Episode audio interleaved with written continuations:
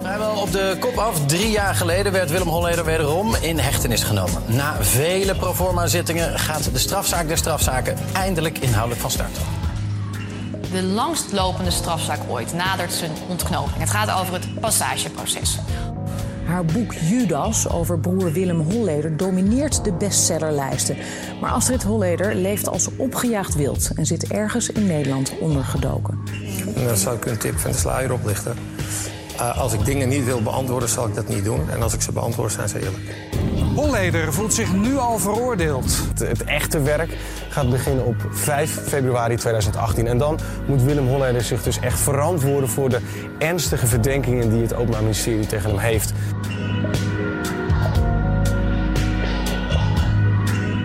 Welkom bij Willem, de wekelijkse podcast over de bekendste crimineel van Nederland. Mijn naam is Harry Lensink en tegenover mij zit Marjan Huske.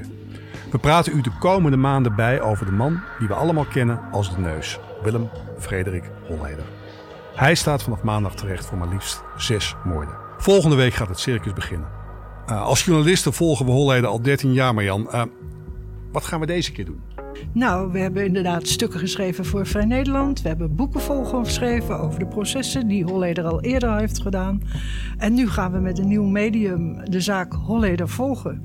En uh, wat gaan we daar doen? We gaan het proces bijwonen. We gaan met uh, mensen in de wandelgangen spreken. We proberen analyses te maken. We proberen te kijken hoe het gaat met de getuigen.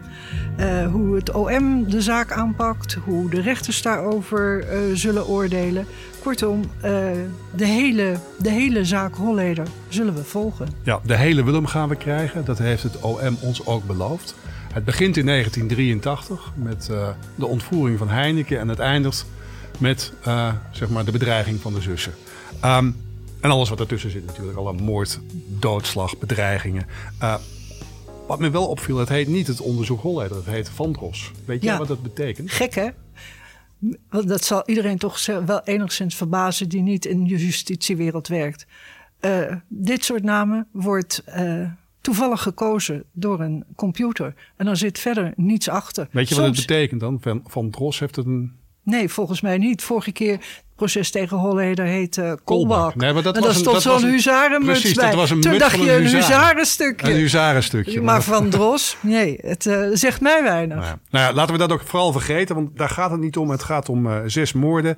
Ehm, kan jij die moorden opnoemen? Ja, tuurlijk. Het is niet zo moeilijk. Eh, allereerst wordt Holleder verdacht van de moord op eh, handelaar, eh, drugshandelaar Kees Houtman. Op de moord van cafébaas eh, Thomas van der Bijl. Eh, de moord op eh, gangster Johnny Mierenmet. En last but not least ook op Willem Enstra, de vastgoedman in 2004. En, eh, en op zijn zwager, zeg je, Cor van bijna Houten. de belangrijkste. Cor van Hout, zijn, Ja. zijn maatje van weleer. Ja, oké, maar goed, eh, last but not least. Want Ja. waarom noem ik die het laatst? Omdat naast hem ook nog, een, nog iemand stond, een zakenman. En dat hoor je bijna niets over, en dat is Robert de Haak. En die werd ook doodgeschoten. Nee, want iedereen denkt dat het om vijf moorden gaat, maar het gaat dus om, om zes moorden, omdat er iemand naast stond. Absoluut. En dan was er ook nog iemand die bij een andere aanslag, ook nog bij Enstra, bijvoorbeeld in zijn knie eh, geschoten werd en ook gewond was. Dus Ja. eh, best veel geweld. Dat wordt hem eh, ook aangerekend, uh, Holleder. Dat was David Denneboom, die stond naast Enstra en die kreeg een kogel in zijn knie. Dus zes moorden en één slachtoffer eh, die een eh, kogel heeft opgevangen. Ehm, nou ja, we gaan, we gaan het nu allemaal weer horen. Wij, wij zijn er eigenlijk al heel erg lang mee bezig. We, volgens mij, eh, ik al sinds 2003 en jij ook rond die tijd. Bij Vrij Nederland zijn we er samen over gaan schrijven. In 2005 herinner ik me, ehm, schreven we een stuk dat heette De Methode Holleder. En ehm, ik heb dat teruggelezen. En ja, als ik dat zie, dan denk ik van, dat klopt nog wel. Absoluut. Het is eh, in ieder geval wat we aangaven was dat Holleder eerst zich inslijmde bij iemand en vriendschap sloot en vervolgens eh, met de vijanden van zo iemand eh, zijn eigen belang ging nastreven. Dus ehm, Dus het is binnenkomen, je inslijmen, iemand goed vastpakken en daarna leegzagen, om het maar oneerbiedig te zeggen. Uh, jij, jij verwoordt het netjes. Nou, nou ja, goed. en maar keihard. Ja. Maar keihard. Ja. En als iemand uitgeperst was, ja, dan kon hij, kon hij de kogel verwachten. Ja. En uh, in andere gevallen, als mensen naar Holleder wezen als dader, uh, was je je leven ook niet zeker. Bijvoorbeeld zoals iemand als Van der Bijl, die bij de politie Holleder aanwees als de moordenaar van uh, Cor van Hout. Ja, er zijn veel mensen die het leven hebben gelaten. Um, we weten nog niet of die vermoord zijn door Holleder. Dat gaan we hopelijk uh, uh, de komende maanden horen. Wat de rechter daar, wat het OM daarvan vindt, wat de rechter daar uiteindelijk. Hij heeft al heel veel jaren in de gevangenis gezeten voor de ontvoering, voor de afpersing. Uh, nu dus uh, de moorden. Um, je zou eigenlijk kunnen zeggen dat dit een slotstuk is. Uh, hoe kijk je daar tegenaan? Nou, het is uh, het eindpunt. Justitie heeft altijd uh, de Hollandse netwerken willen vervolgen. De Hollandse netwerken waarvan men dacht dat die veel moorden op hun geweten hadden. Dat ze uh, corrupt waren, dat ze in de maatschappij ja, uh, zorgde voor onrust. Maar wat bedoel jij met de Hollandse netwerken? Want... De Hollandse netwerken, dat zijn, uh, dat zou je ondervallen, Willem Holleder, Cor van Hout. Dat, waar, de dat, oude, waar, dat... dat waren uh, zware criminelen die ontzettend veel geld verdiend hadden met de drugshandel. Het geld werd besteed in de bovenwereld en daarvoor hadden ze een zakenman nodig, Willem Enstra. Willem Enstra zorgde ervoor dat hun geld, zwarte geld, wit werd gewassen. En vervolgens, ja kocht men invloed in de bovenwereld. En dat was uh, ja, heel ernstig in de ogen van justitie. Ja. En uh, het was heel lastig om de opdrachtgevers uh, te kunnen aanpakken. Omdat ja, de er opdrachtgevers van? De opdrachtgevers van de moorden, de liquidaties, de afpersingen. Maar goed, dus je zegt in de jaren negentig zie je die opkomst van die georganiseerde misdaad. Heel veel drugs worden dan verhandeld, wordt heel veel geld mee verdiend. Dan zie je dat Enstra optreedt als, Als een witwasser voor een aantal van die hele grote criminelen. Uh, uh, maar dan lijkt het alsof justitie daar niks tegen kan doen. En dan toch, uh, begin deze eeuw, zie je de eerste bewegingen richting die club. Absoluut, maar daarvoor moesten ze wel met groot geschut komen. Daarvoor moesten er deals gesloten worden met criminelen. Moesten men mensen uit het milieu uh, minder straf belonen, uh, bescherming bieden. En uh, pas daarna zag je dat de echte onaanraakbare criminelen ook voor de rechter hun verantwoording moesten afleggen. En, en daarbij is, is Holleder is een soort, heeft een soort symboolfunctie gekregen. Holleder is uh, mede natuurlijk ook door die missedaad, de ontvoering van Heineken, Ja. is die neergezet als het grote kwaad. Echt als de top van de Nederlandse onderwereld. Terwijl Holleder natuurlijk een soort conctie vormde met andere criminelen. Want in je uppie kan je niet de baas blijven in, Waarbij in je de ook kan zeggen dat veel van die andere criminelen niet meer leven. En hij ging, hij ging uh, gelegenheidscoalities aan en uh, daarna stapte hij over naar een andere partij en uh, liet uh, zijn oude vrienden lieten het leven. Even dagen later of hij daar verantwoordelijk voor was, maar het is toch opvallend. Het is heel opvallend en in de ogen van justitie was hij wel degelijk een van de opdrachtgevers. En dat heeft de justitie volgens mij ook wel eens zo gezegd. We pakken gewoon eerst uh, deze gasten aan op de afpersingen en daarna komen de moorden. En dat is eigenlijk nu aan de hand. Ja, De kers op de taart voor het Openbaar Ministerie deze zaak. zo kan je het samenvatten.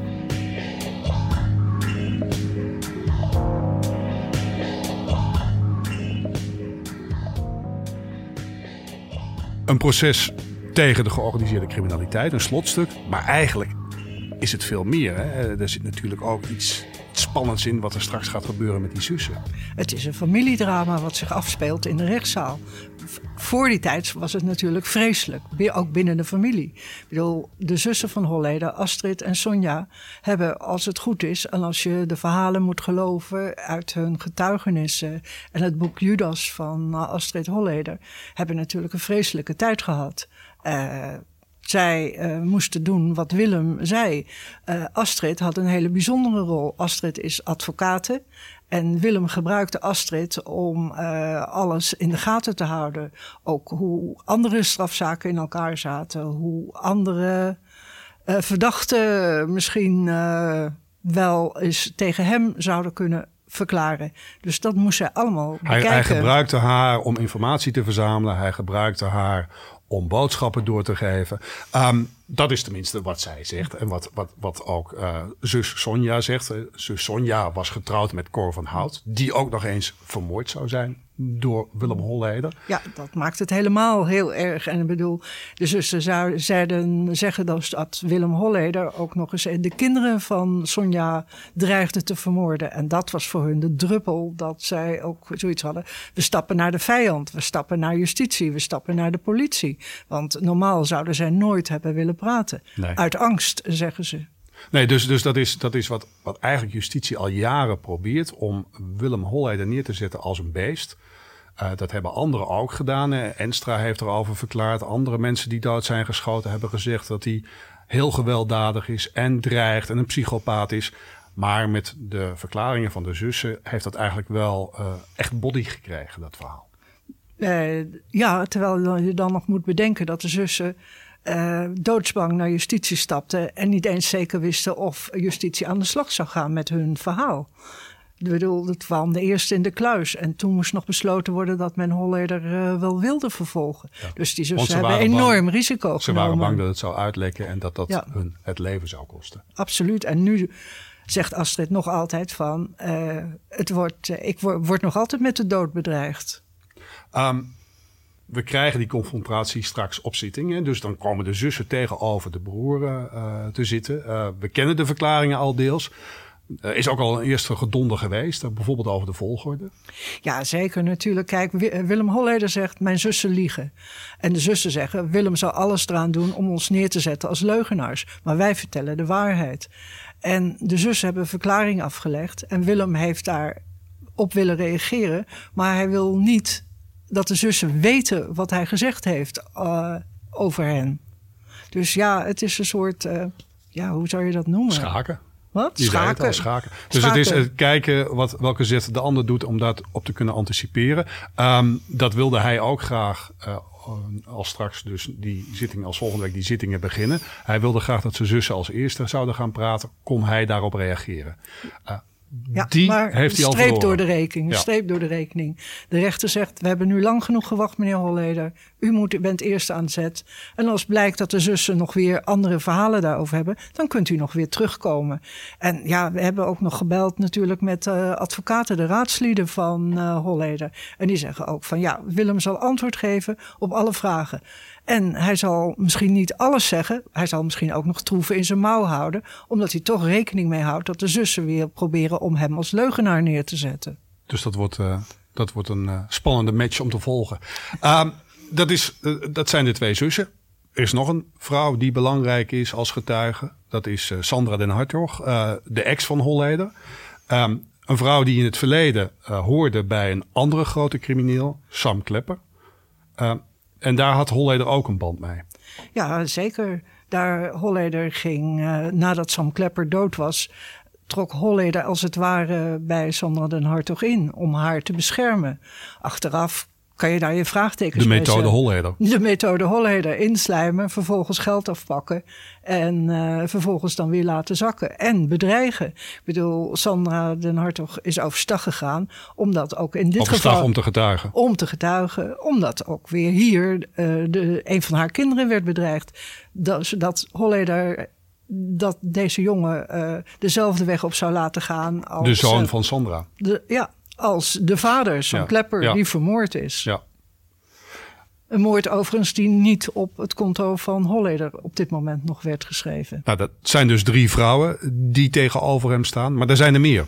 Absoluut, er is een rechtbank. Er zit, een voorzitter is uh, een man, maar er zitten drie rechters. In totaal heb je dus vier leden van de rechtbank. Dat is opmerkelijk. Sorry, er zitten, er zitten vier rechters in totaal. Eén voorzitter en drie andere rechters. Ja, ja, en normaal gesproken zitten er drie rechters. Maar deze zaak is zo van belang en zal zo'n lange adem hebben... dat men wil voorkomen dat er uitval is. Dus Ze er zit een, reserve, een reserverechter zit een reserverechter bij. Daarnaast... Dat zijn allemaal dames? Dat zijn allemaal dames. Daarnaast... En griffieren waren ook dames toevallig. Maar uh, bij de aanklagers is het één vrouw, één man. Uh, de man Lars Stemfer, de vrouw Sabine Tammers. Uh, Sabine Tammers is een door de wol geverfde aanklaagster. Ze stond in grote strafzaken. Ze stond onder meer in de zaak van de tattoo killers. Ze stond in de zaak van Passage, het grote liquidatieproces bij de rechtbank. Dus zij weet van de hoed en de rand zij is ook, ook, bedreigd geweest. Dus op die zin weet ze precies hoe Astrid Holleder zich ook zal voelen. Dus ja. Uh... Oké, want je, je, zou kunnen zeggen: het zijn vrouwen. En Holleder staat bekend als een womanizer. Als iemand die de vrouwen om zijn vinger kan winden. Maar, dat zal in deze, dit geval deze, deze geen, vrouwen, denk geen, ik, geen voordeel zijn. Nee, deze vrouwen zal voor hem geen voordeel zijn. Dus ik denk dat hij nu gokt om uh, een beetje de, de voorzitter van de rechtbank, de man in te pakken als jongens onder elkaar. Ja. Daar is hij ook goed in. Ja. Dat zagen we ook bij zijn afpersingszaak. Ja, Grapjes maken. Over mannen de joviale Jorda man uit de Jordaan. Ja, ja, daar is hij goed in. Dat was inderdaad. Maar dat heeft hem in de tijd heeft hem dat uh, uh, weinig geholpen. Hij heeft gewoon negen jaar gekregen voor die afpersing. Ja, dat wel, maar. Maar grappig was het wel. Ja, speciale, ja. vooral als zijn uitdrukkingen. Het leek ze nu en dan. Ja. Ik weet nog wel een goede. Uh, bij College Tour zei hij van: als ik dingen niet wil beantwoorden, zal ik dat niet doen. Uh, en als ik dat wel wil, dan is het de waarheid. Ja, dat is typisch, typisch Holleder. Ja, typisch Holleder. Nou goed, hij kan proberen om met zijn charmes de mannen ook voor zich te winnen. Maar bij twee zal dat heel erg moeilijk worden. Uh, volgens mij uh, de twee kroongetuigen die in stelling worden gebracht. Peter Lacerpe uh, en Fred Ros. ja, dat, daar gaat hij een zware dobber aan krijgen. Ja, zeker. Dat is natuurlijk een zware dobber voor Holleder. Te meer omdat de eerste kroongetuige, Peter Lacerpe uh, veroordeeld voor de moord op Kees Houtman. Uh, de opdracht voor die moord uh, rechtstreeks uit de mond van Holleder zou hebben vernomen. Zegt Peter Lacerpe. Zegt Peter Lacerpe. Maar goed, dat, er is een hele rechtsgang geweest. Hij is dagenlang, jarenlang ondervraagd daarover. Ja, want dan moet je even uitleggen. er is natuurlijk een heel groot proces geweest voorafgaand aan het Holleder-proces wat we nu gaan krijgen. Dat is het liquidatieproces. En daarin zijn eigenlijk vermeende handlangers van Holleder uh, veroordeeld tot levenslange gevangenisstraffen voor de moorden waar Holleder nu ook terecht voor staat. Dat zijn precies dezelfde moorden. En de mensen in het eh, liquidatieproces hebben daar levenslang voor gekregen. En in dat liquidatieproces uh, is, hebben de rechters ook een uitspraak gedaan en gezegd dat uh, Holleder samen met deze mensen uh, een criminele organisatie vormde. Dus dat zal heel lastig worden. Hij wordt aangewezen als mede-opdrachtgever voor de moord op Kees Houtman. En uh, een Lacerpe, Peter Lacerpe, heeft. Uh, de kroongetuige, Peter De kroongetuige heeft die opdracht rechtstreeks uit de mond van Holleder gehoord. Dus, Al dat dus- zegt hij. Dus de handlangers van Holleder de vermeende handlangers van Holleder, de moordenaars uh, uit het liquidatieproces zijn veroordeeld. Daar is een rechtelijke, een keiharde rechtelijke uitspraak over, waarin Holleder gewoon met naam en toenaam als medeverdachte wordt genoemd. Ja. Wat betekent dat nou voor, voor, voor de rechtbank die nu moet gaan oordelen over want mogen die zich daar wat van aantrekken? Ze, ze, mogen het, maar het hoeft niet. Maar het is in ieder geval een juridisch, uh, juridische piketpaal die gezet is. Namelijk, de kroongetuigen zijn betrouwbaar. Ze zijn betrouwbaar geweest in de liquidatiezaak. Dus ja, dan hebben ze al een plusje achter hun naam staan van dat ze eigenlijk betrouwbaar zouden zijn. Er is ook nog de tweede kroongetuige, Fred Ros. En Fred Ros is ook heel belangrijk, omdat Fred Ros um, veroordeeld is. En zijn veroordeling is keihard. Ik bedoel, er zijn de schutters van uh, de moord waar Ros voor veroordeeld is. Dat is de moord op cafébaas Thomas van der Bijl. Hebben Ros aangewezen, die schutters. Uh, die schutters hebben gezegd, dat is de moordmakelaar Ros. En moordmakelaar Ros zegt: Ik heb mijn opdracht direct gehad van Dino Sorel. En wie is nou weer Dino Sorel? Dat was de hoofdverdachte die levenslang kreeg in het liquidatieproces. En deze Dino Sorel vormde een criminele organisatie met Holleder. En zo vallen de domino-steentjes om. om. Ja, want het Hof heeft al een voorschot genomen door te zeggen dat uh, Willem Holleder uh, medeverantwoordelijk is, de uitlokker en de opdrachtgever voor de moorden op uh, Thomas van der Bijl en op Kees Houtman. Dus, dus dat zijn al twee, mo twee moorden. Ja, want ik bedoel. En, uh, om, en dan zijn er nog wel meer uh, getuigen die, die in zijn richting wijzen. Zeker, want dat gaat het OM natuurlijk doen. Hè. In de loop der jaren zijn er, uh, we weten al van heel veel mensen dat ze over Holleder hebben verklaard. Dat begon al in 2003 met Enstra. Maar er zijn er nu veel meer bijgekomen. Er zijn kroongetuigen bijgekomen. Er zijn zussen bijgekomen. Uh, er zijn andere getuigen uh, die hun verhaal hebben gedaan over de rol van Holleder. Dat wordt allemaal achter elkaar geplakt. Dat krijgen we straks in chronologische volgorde. Um, eigenlijk kan je zeggen dat het, nou ja, gevoelsmatig een gelopen race is voor het OM. Ja, nee, maar gelopen race, dat is het beeld wat naar buiten is gekomen. En aanstaande maandag zal dat beeld, als uh, de aanklagers hun eerste verhaal houden, zal dat beeld ook zo naar buiten worden gebracht. Ook door de meeste media. Maar er is ook nog wel, je moet ook nog een stap terug doen. Want kijk, uh, Holleder zegt: Ik heb nog nooit van mijn leden uh, die tweede kroongetuige Fred Ros ontmoet. Ik ken de man niet eens. Ja. Hij kwam naast me zitten in de gevangenis en ik vertrouwde het niet. Ik ken die man helemaal dus bewijs niet. dat maar eens. Bewijs dat maar eens. Uh, dan heb je de tweede kroongetuige en de eerste kroongetuige. Die verschillen op een bepaald punt ook van, uh, van hun, in hun verklaring ja. over de betrokkenheid. Dus daar gaan de advocaten opnieuw op inhakken. De advocaten die Holleder bijstaan gaan natuurlijk alles proberen om te kijken of ze onbetrouwbaarheid van die kroongetuigen kunnen aantonen. Ja, van de kroongetuigen en ook natuurlijk van de zussen. Want ja, de zussen hebben ook jarenlang gezwegen over het Heineken-geld, over de Heineken-miljoenen. Ja, want dat, dat, dat, dat, dat was zo, dat, er was geld niet gevonden. Hè? In 83 Freddy Heineken ontvoerd. Er is toen 35 miljoen gulden voor betaald. 8 miljoen gulden is nooit gevonden. Uh, en het dat verhaal, zou verbrand zijn. Dat zou verbrand zijn op het strand. Maar het verhaal ging heel lang, eigenlijk decennia lang, van dat geld hebben Willem Holleder en Cor van Hout geïnvesteerd in uh, prostitutiepanden en gokhallen. Um, daar is ruzie over ontstaan. Op een bepaald moment hebben ze dat wel elkaar getrokken. Nou, uh, bij de dood van Cor van Hout hebben de zussen zich daarmee bemoeid met die erfenis. En het verhaal van Willem Holleder is...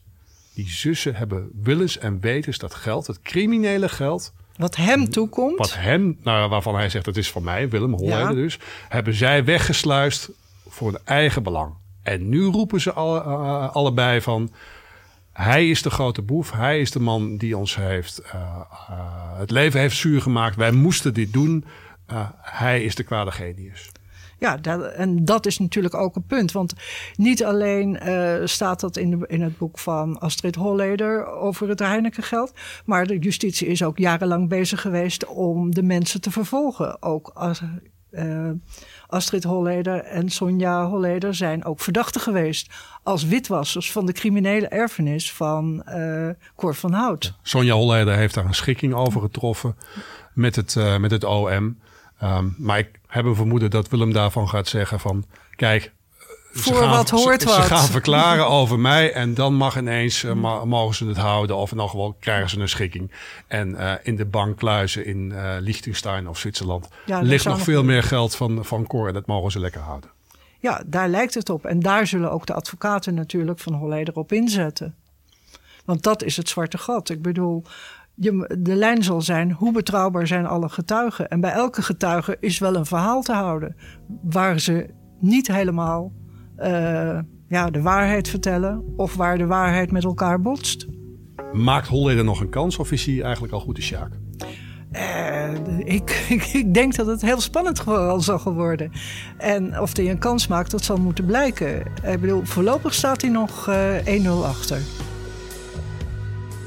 We gaan het horen, we gaan het zien en we gaan het allemaal voor u volgen. Uh, het proces start op 5 februari en uh, wij maken vanaf nu een wekelijkse podcast om u op de hoogte te houden. Wilt u weten wat er in de tussentijd gebeurt in de rechtszaak tegen Holleder? Ga dan naar nu.nl.